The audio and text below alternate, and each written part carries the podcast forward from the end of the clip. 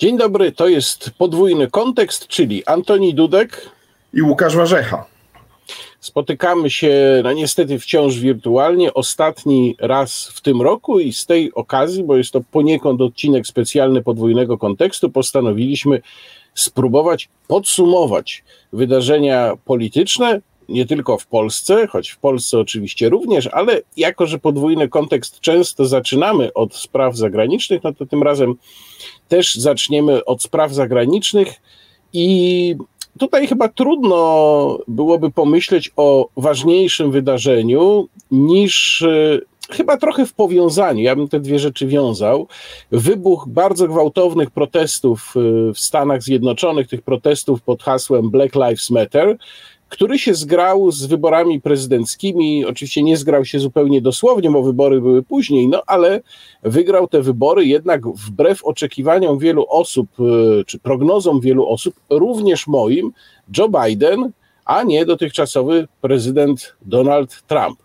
No i tutaj nie tylko chyba trzeba sobie postawić pytanie, jakim prezydentem będzie Joe Biden, również oczywiście jakim prezydentem będzie w stosunku do Polski, choć to jest, pamiętajmy, tylko jakaś tam malutka część amerykańskiej polityki zagranicznej, ale również trzeba by sobie postawić pytanie, w, jakich, w jakim stanie, w jakiej kondycji Ameryka wychodzi z tego roku. Ja widziałem dopiero co nagranie, które ktoś wrzucił na Twittera. Nagranie jest aktualne, bo osoba jest wiarygodna. Nagranie z Piątej Alei w Nowym Jorku, gdzie taka oto scena się rozgrywa i to w ciągu w bia białym dniu, w świetle dnia.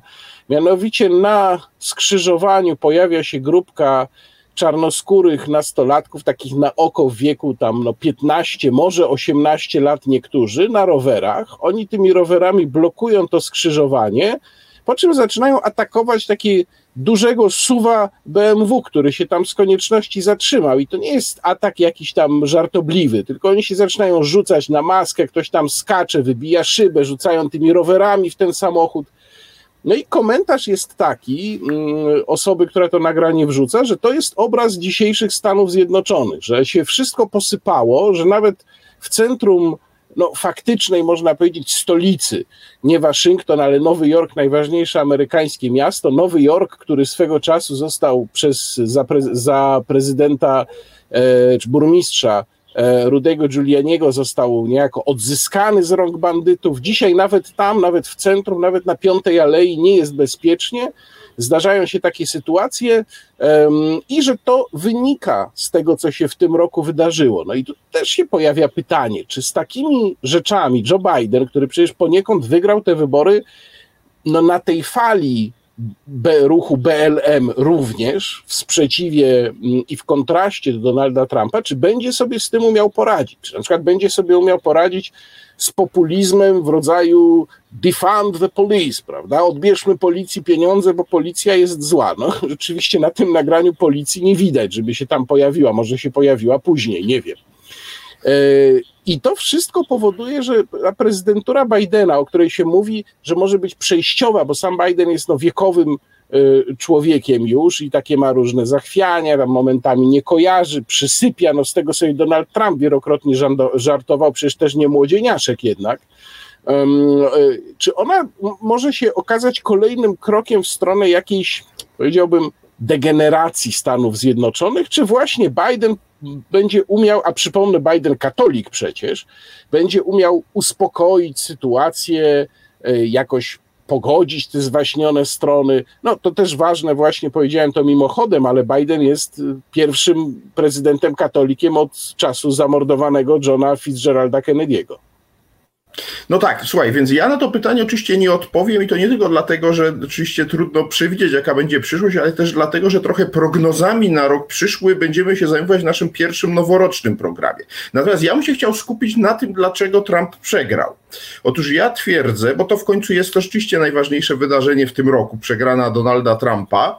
Otóż moim zdaniem on przegrał dlatego, że jednak yy, yy, pandemia sprawiła, że część Amerykanów straciła wiarę w jego przywództwo i tutaj się pojawia yy, no, rola środowisk opiniotwórczych.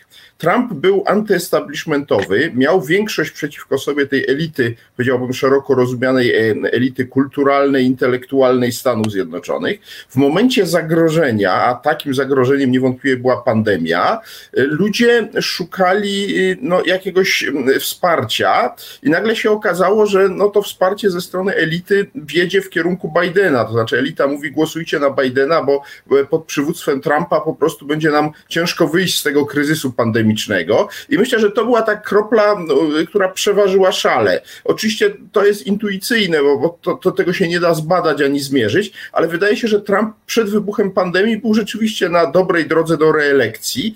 Y, tymczasem no, y, pandemia sprawiła, że, mm, że y, zabrakło mu tej, tej pewnej liczby głosów, ale chcę też zwrócić uwagę na to, że ja podzielam oczywiście Twoje obserwacje co do tego, co się dzieje w Stanach, tego nasilającego się konfliktu rasowego, ale chcę też powiedzieć, że w moim przekonaniu amerykański system polityczny jednak sobie dobrze poradził e, i chcę go pochwalić po pierwsze z kryzysem pandemicznym, jednak jak się obserwuje ten gwałtowny wzrost liczby bezrobotnych w Stanach Zjednoczonych, w ogóle niewyobrażalny z europejskiej perspektywy, który nastąpił po pierwszym lockdownie i później jak to się zaczęło odradzać, to pokazuje jak tamto społeczeństwo jednak jest skłonne, e, powiedziałbym, do mimo wszystko większego umiaru. Znaczy myślę, że przy takim wzroście bezrobocia w Europie mielibyśmy dużo większe zamieszki niż były w Stanach Zjednoczonych. No i wreszcie chcę też zauważyć, że ten amerykański system polityczny jednak okazał się niebywale e, odporny na to, że, e, że na, na, na, sytuację, w której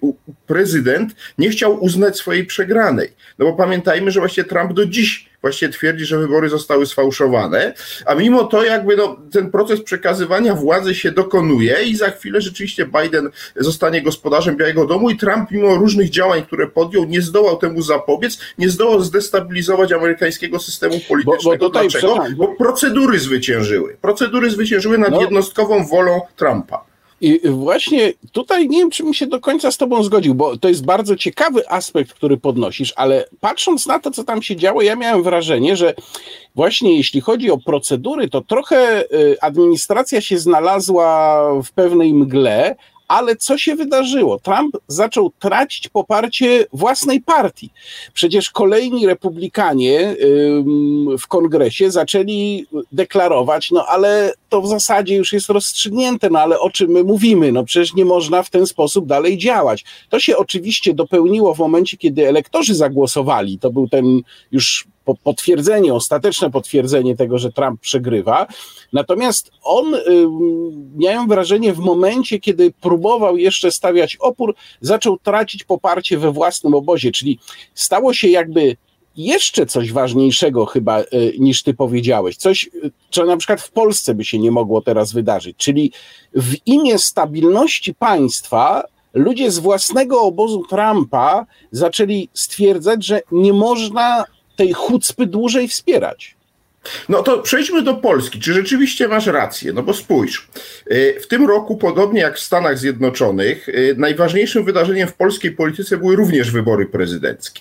I znowu mieliśmy do czynienia właściwie do pewnego stopnia z podobną sytuacją, a mianowicie przez długi czas Prawo i Sprawiedliwość dążyło do tego, żeby wybory odbyły się 10 maja y, i to w formie korespondencyjnej. I one by się odbyły, gdyby nie, jak się wydaje, wolta części obozu Zjednoczonej Prawicy w postaci Jarosława Gowina i jego porozumienia, no, które de facto zablokowało możliwość przeprowadzenia y, wyborów 10 maja w trybie korespondencyjnym. Dlaczego?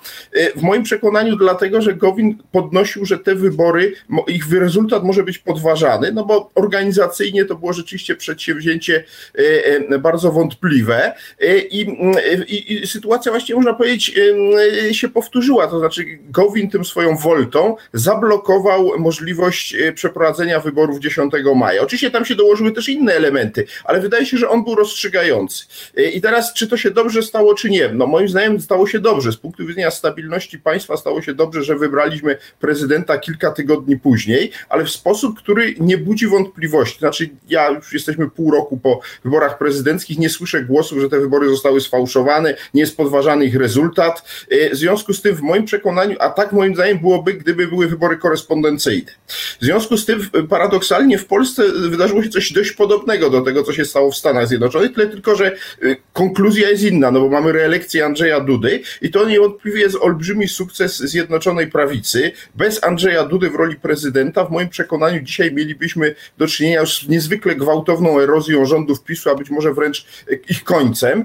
Tymczasem no, ten sukces Dudy, wprawdzie odniesiony, no można powiedzieć, o, o, o włos nad poprzeczką, bo przecież to, to jest minimalna większość, jaką pokonał Trzaskowskiego, ale jednak niekwestionowana, to ustabilizowało na pewien czas y, rządy prawicy. Pytanie na jak długo, no bo rzeczywiście po tych wyborach prezydenckich, można powiedzieć, mam takie wrażenie, jakby obóz Zjednoczonej Prawicy przypominał takiego sportowca, który, prawda, y, biegnie w maratonie i, i ciągle jest liderem, ale przebiegł jakiś kolejny etap, no, no mety jeszcze ciągle daleko, no bo tej mety właśnie w polityce nigdy nie ma, są tylko kolejne etapy, ciągle jest liderem, ale po tym jak przebiegł ten kolejny, powiedziałbym, etap tego wyścigu jako zwycięzca, nagle zaczyna gwałtownie słabnąć i właściwie jak się patrzy na to, co się dzieje z obozem Zjednoczonej Prawicy od właśnie sukcesu Andrzeja Dudy, czyli od lipca tego roku, to już jest tylko coraz gorzej. Wprawdzie się no nie rozleciał ostatecznie, to, nie jest to, dobrze. To, to poczekaj chwilę, jeszcze zatrzymam się przy Andrzeju Dudzie w takim razie, bo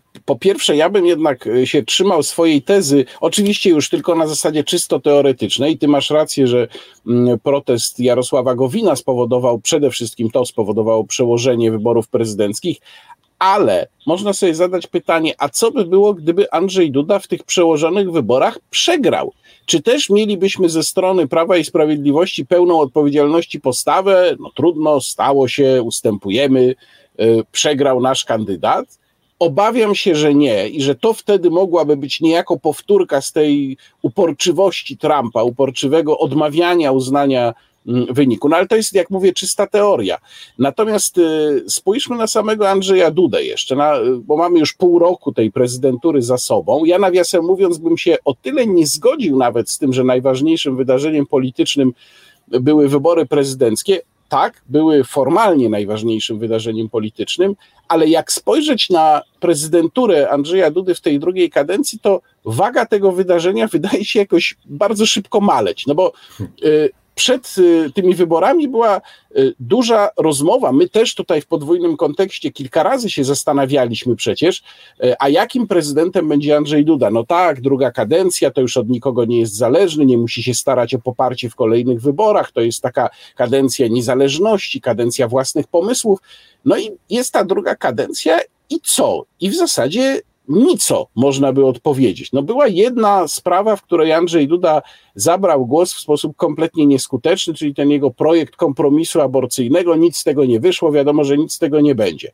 W dwóch kwestiach powiedziałbym, absolutnie kluczowych politycznie i społecznie, czyli po pierwsze epidemia, sposób walki z nią i jej skutki, w tym również gospodarcze, oraz kwestia powiązania unijnych pieniędzy z praworządnością, prezydenta nie ma istnieje. W ogóle można by właściwie w ostatnich kilkunastu co najmniej dniach zapomnieć, że prezydent istnieje, no gdyby nie tamte rozmowy z nim, że a czy pan się zaszczepi, a boję się ukłucia, to się chyba tak szybko nie zaszczepię. No ale to raczej powiedziałbym w, w sferze kabaretowej się odbywało, a nie w sferze znaczy, poważnej idąc, polityki. Idąc tak, idąc tropem takich złośliwości, można powiedzieć, że naj, najbardziej skuteczny, ale też w ograniczonym czasowo przedziale był Andrzej Duda z interwencją w sprawie stoków narciarskich, które bohatersko walczył i przez parę tygodni udawało mu się je utrzymać otwarte, ale ja powiem tak, no, e, e, to wynika z faktu, że Prawo i Sprawiedliwość ciągle jest przy władzy. No, Andrzej Duda, e, wprawdzie prezes Kaczyński chyba by się nie do końca z nami zgodził, ale jest lojalnym prezydentem swojej partii,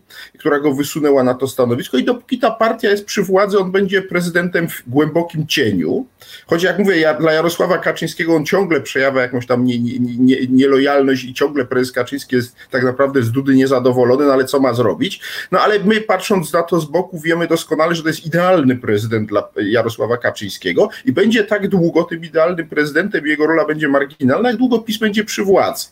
Natomiast jeśli PiS straci większość w Sejmie, no to wtedy przed Andrzejem Dudą się otworzy pole do działania w roli no, tego, który będzie po prostu wetował e, działania innego rządu, blokował wszelkie działania o charakterze depis, depisyzacyjnym, ale to jest kwestia przyszłości. Ja bym proponował, żebyśmy o tym nie mówili, bo dzisiaj mamy podsumować mijający rok. Więc podsumowując mijający rok, ja się upieram przy twierdzeniu, że reelekcja Andrzeja Dudy jest najbardziej fundamentalnym wydarzeniem w polskiej polityce, bo ona rzeczywiście zapewniła PiSowi, który ewidentnie dostał zadyszki, także za sprawą błędów prezesa Kaczyńskiego, tą, tą stabilizację, czy ten, ten nasz biegacz, prawda, ciągle jednak stoi na nogach, choć się słania, trochę go tam znosi i zaczyna go ten peleton z tyłu doganiać, no ale na szczęście dla tego biegacza ten peleton też jest tak, powiedziałbym, i to proponuję, żebyśmy teraz trochę o opozycji porozmawiali, jest tak fatalnie zorganizowany, że na razie nie ma widoków na to, żeby, żeby tego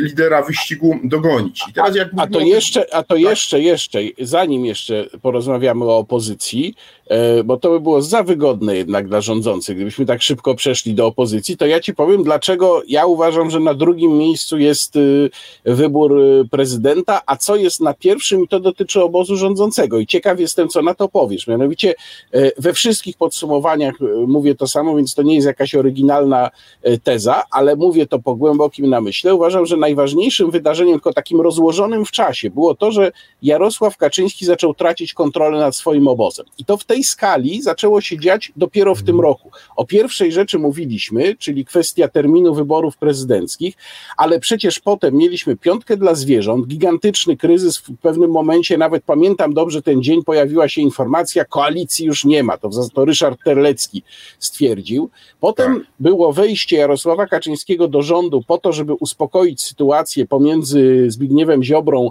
a Mateuszem Morawieckim, ale to wejście Jarosława Kaczyńskiego do rządu jako żywo niewiele dało, bo kiedy przyszło do negocjacji tych ostatecznych, już dotyczących pieniędzy e, z perspektywy budżetowej oraz z Funduszu Odbudowy w Brukseli, no to wtedy Zbigniew Ziobro zaczął krytykować zupełnie otwarcie Mateusza Morawieckiego i to tak ostro krytykować, jak jeszcze mu się do tej pory nie zdarzało, bo zdarzały mu się jakieś tam złośliwości, ale tutaj to było właściwie otwarte wypowiedzenie lojalności mimo Jarosława Kaczyńskiego w rządzie. Więc ja mam wrażenie, że skumulowanie tych wydarzeń, jeszcze przy piątce dla zwierząt mamy przecież otwarty bunt y, ponad 30 posłów Prawa i Sprawiedliwości z Janem Krzysztofem Ardanowskim na czele, wcześniej właśnie bunt Jarosława Gowina. Skumulowanie tych wydarzeń to jednak jest nowa jakość, która no może wielu komentatorów tego nie zauważa właśnie dlatego, że to widać tylko jak się złoży razem te wydarzenia. Ale moim zdaniem jednak tak słabej pozycji we własnym obozie Jarosław Kaczyński nie miał nigdy i to jest jakiś signum temporis. Znaczy, ja bym się zgodził z tym ostatnim zdaniem. Nigdy nie miał tak słabej pozycji po roku 2015, bo ja pamiętam doskonale jednak czasy PiSu nie będącego przy władzy, e, kiedy e, Kaczyński musiał wyrzucać kolejnych wiceprezesów swojej partii, którzy się buntowali. Więc e, tutaj mam, zgadzam się, rzeczywiście w tym roku ujawniły się głębokie pęknięcia Zjednoczonej Prawicy i to będzie oczywiście rzutowało na przyszłość tego obozu politycznego, ale ja właśnie chcę mówić nie o przyszłości, tylko o przeszłości. I z tej perspektywy jednak finał tego jest taki, że Kaczyński jednak y, utrzymał wątpliwą i rzeczywiście zgadzam się, no, y, ale jednak jedność Zjednoczonej Prawicy. Ciągle jest tych 234, pięciu posłów głosujących w kluczowych sprawach y, po, po myśli prezesa Kaczyńskiego i to się na końcu liczy, więc jednak ja się będę upierał, że choć te słabości wyższe szły na powierzchnię, to ciągle to jest tak naprawdę jeden obóz polityczny, który rozumie, że straci każdy jego podmiot, jeśli się posunie za daleko. I nawet Zbigniew Ziobro, który jest tutaj moim zdaniem najsłabszym ogniwem w tej chwili tego, jednak się cofnął. Prawda? Mieliśmy te obrady Solidarnej Polski, w której się zastanawiano, jak zareagować na tą układ w Brukseli, który zawiarł Morawiecki, no i niby tam nie wiemy, jaka jest to prawdziwa, prawda, czy te 8 do 12 głosów, o których mówił Zbigniew Ziobro, to jest prawdziwa informacja, czy nie, no ale jednak ta większość poparła jakby ostatecznie pozostanie Solidarnej Polski w koalicji, co jednak no, pokazuje, że na koniec roku, po tych wszystkich zawirowaniach, zamieszaniach, Zjednoczona Prawica jest ciągle zjednoczona w tym sensie, że trzyma się przy władzy. No a Andrzej Duda to stabilizuje, więc moim zdaniem jednak twierdzę, że na koniec bilans tego roku oczywiście jest dla PiSu e, e, już nie tak optymistyczny jak ubiegłoroczny, kiedy PiS był u szczytu potęgi, prawda, miał za sobą wybrane wybory europejskie, wybory, parlamentarne, e, znakomitą perspektywę dla Andrzeja Dudy, więc wszystko wyglądało fantastycznie. No po roku wiadomo, pandemia mocno podkopała rządy Prawa i Sprawiedliwości, ale one ciągle się trzymają i moim zdaniem one się będą trzymać także i dlatego, że Polacy nie widzą alternatywy i chcę jednak wrócić do opozycji i troszkę o opozycji porozmawiać, bo moim zdaniem to jednak jest y, tak naprawdę tutaj paradoksalnie można powiedzieć, że jest tylko jedna formacja, y, która może uznać, że na koniec roku wprawdzie pokiereszowana i zmaltretowana, ale jest w lepszym stanie niż była na początku tego roku i to jest Platforma Obywatelska. Dlaczego? No bo y, y, jeśli się weźmie notowania pani Kidawy Błońskiej, prawda, z początku tego roku,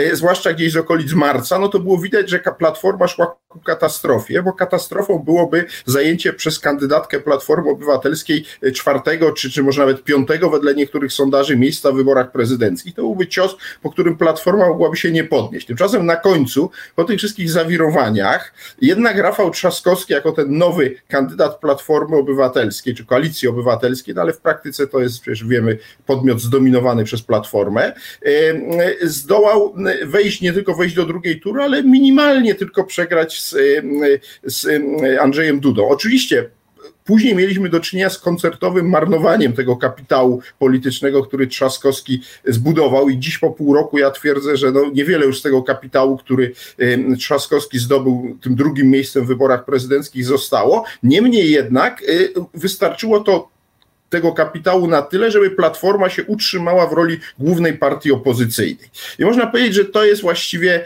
y, ten, ten po stronie opozycji ten, ta, ta formacja, która, y, która ugrała najwięcej. Wszystkie pozostałe podmioty opozycyjne, y, może z wyjątkiem ruchu Hołowni, bo on jest de facto pokłosiem wyborów prezydenckich, tutaj trudno jeszcze mówić o nim, czy on sobie lepiej radzi, czy gorzej. Natomiast jeśli patrzymy na tych starych graczy, no to Lewica katastrofa, PSL jeszcze większa katastrofa, Konfederacja też raczej żadnego większego sukcesu nie odniosła. Więc widać wyraźnie, że opozycja jest y, w głębokiej depresji i na razie nie ma widoków na, na Y, powiedziałbym, no, wzmocnienie. Oczywiście pojawiają się nowe ruchy i tutaj warto odnotować oczywiście strajk kobiet, bo on jest najbardziej spektakularny, ale ja nie widzę przed nim dłuższej perspektywy. To znaczy uważam, że to jest y, y, ruch jednego tematu i oczywiście on będzie jeszcze w przyszłym roku obecny, bo będzie się ciągnęła sprawa nowelizacji przepisów czy zaostrzenia przepisów antyaborcyjnych, nawet dłużej być może niż przez przyszły rok, ale na tym jednym temacie się nie da zbudować ruchu politycznego. Ciekawsza jest dla mnie Agrounia i pan Kołodziejczak. Nie kryję, że tu dostrzegam perspektywę nowego, nowej samoobrony i nowego Andrzeja Lepera, e, ponieważ rzeczywiście ludzi sfrustrowanych właśnie rolników e, nie będzie brakowało. I tutaj pan Kołodziejczak rzeczywiście, nie, nie twierdzę oczywiście, że on dojdzie do władzy, ale może rzeczywiście politykom, zwłaszcza rządzącym, e, no, utrudniać życie przez wiele najbliższych lat. No, to tutaj znów z przyjemnością muszę powiedzieć, że się w części z tobą nie zgadzam. Chyba od pierwszy raz od no dawna mamy taką sytuację tak, że możemy sobie popolemizować. Otóż ja uważam, że jakby spojrzeć na punkt wyjścia, tylko biorąc za punkt wyjścia, teraz mówię o Platformie czy o Koalicji Obywatelskiej, tylko biorąc za punkt wyjścia nie y, notowania Małgorzaty Kidawy-Błońskiej na początku roku i jej szanse na przejście do drugiej tury, tylko punkt kluczowy, kulminacyjny, czyli wybory, drugą turę wyborów prezydenckich, to Platforma e, przegrała. Nie wygrała, tylko przegrała, ponieważ miała w ręku, a zwłaszcza Rafał Trzaskowski, miał w ręku naprawdę spory potencjał, aczkolwiek pamiętajmy, że jego wyborcy to nie byli wyłącznie jego zwolennicy, to byli w dużej części po prostu przeciwnicy Prawa i Sprawiedliwości.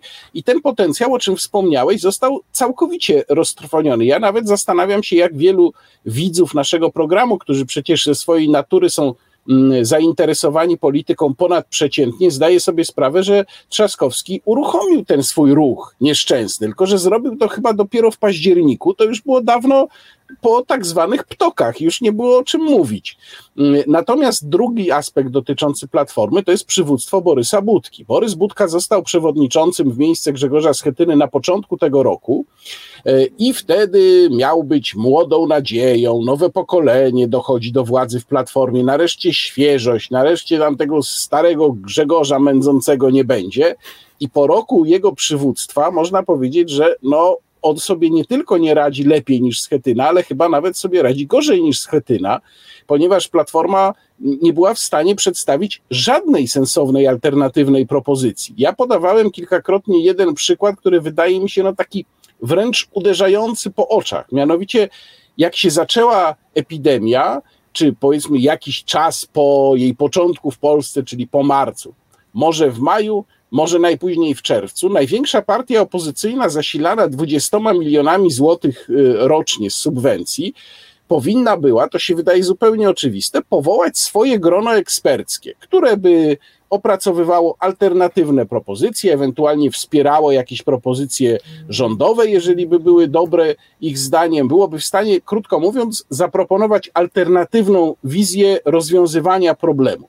Nic takiego nie nastąpiło, kompletnie. Czy tutaj Platforma jest całkowicie bierna, również tam, gdzie PiS poprzez swój chaos decyzyjny, naciąganie prawa, sam podsuwał jej przecież motywy do działania. Więc ja nie uważam, że Platforma wygrała. Ja uważam, że patrząc na, na to, co dostała, no to była trochę jak taki człowiek, który wygrywa y, w Totolotka, no może nie główną nagrodę, ale powiedzmy drugą to może nie w Totolotka, powiedzmy, że w Eurojackpot, bo tam te drugie nagrody są dosyć wysokie, zdaje się, wygrywa drugą nagrodę i w ciągu pół roku te pieniądze wszystkie gdzieś tam wydaje zupełnie bez sensu, nawet nic mu w rękach nie zostaje. Trochę tak to wygląda.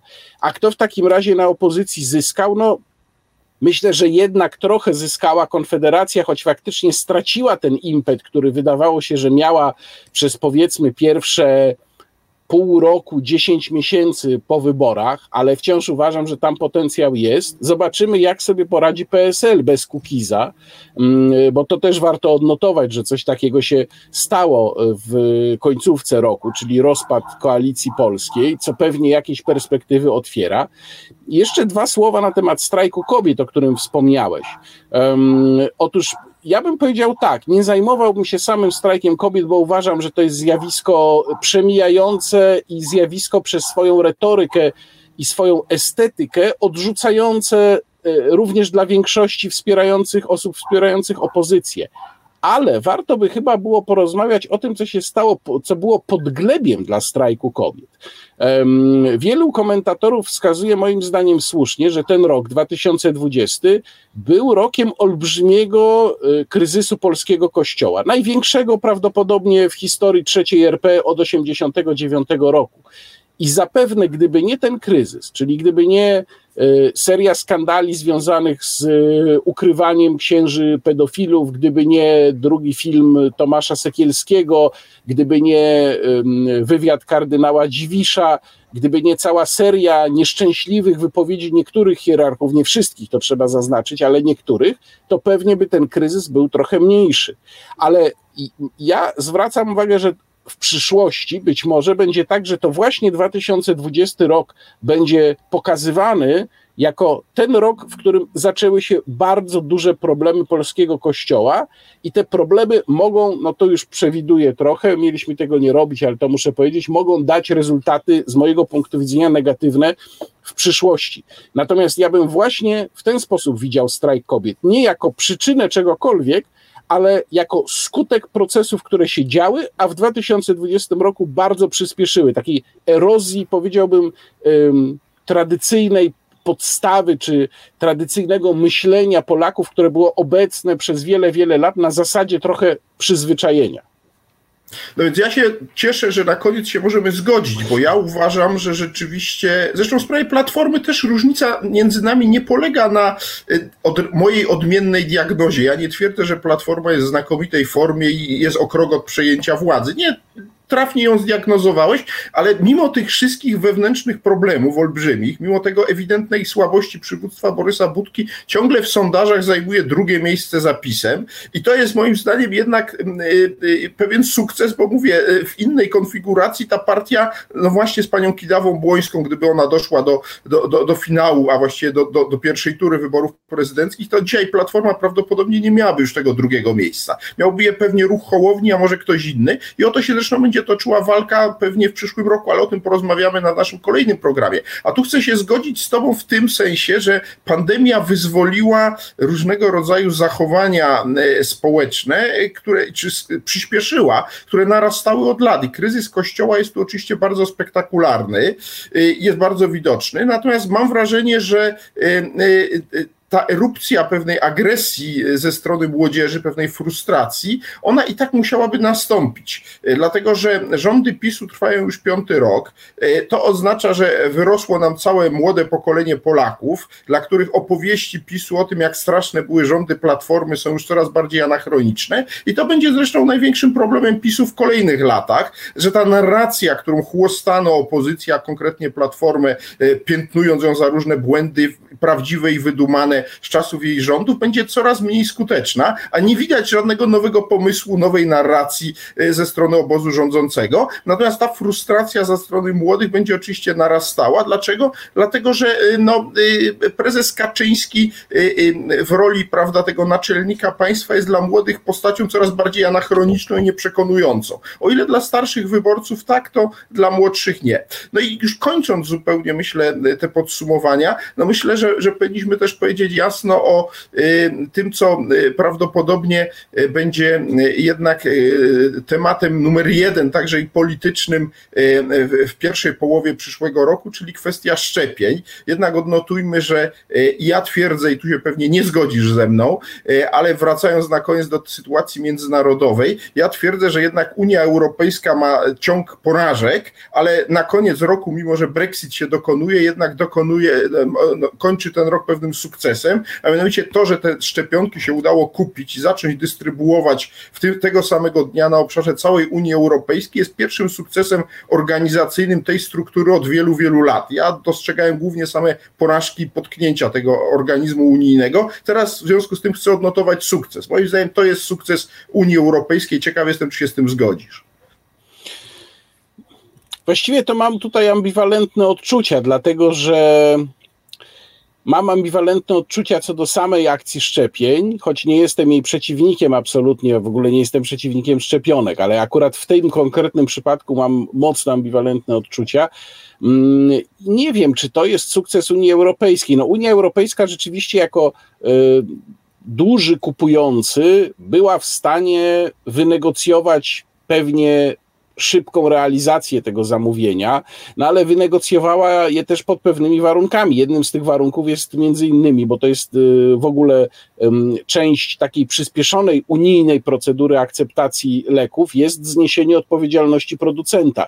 I to jest coś, co wywołuje no, duże kontrowersje również w Polsce.